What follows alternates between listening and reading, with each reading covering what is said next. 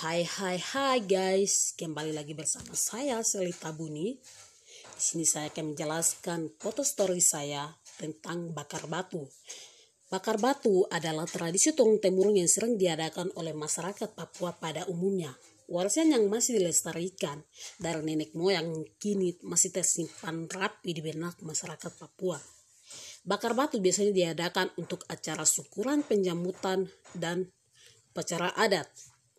Sejak kecil saya sudah diajarkan loh cara untuk bakar batu ini mulai dari teknis persiapan, penyajian, hingga makan bersama. Jadi pada bulan Desember di rumah saya, di keluarga saya, sering adakan namanya acara bakar batu atau ucapan syukuran ini. Jadi biasanya saya dan ibu-ibu saya dan ibu-ibu lainnya biasa pergi bertugas untuk mengumpulkan bahan-bahan yang akan dimasak untuk acara bakar batu ini seperti sayur-sayuran, ubi-ubian, jagung, keladi, dan lain sebagainya. Sedangkan di bapak mereka biasanya menyiapkan kayu bakar, batu-batu yang sudah terpilih untuk bakar batu, dan juga menyiapkan kolam yang akan kita gunakan sebagai dasar untuk masak bakar batu ini.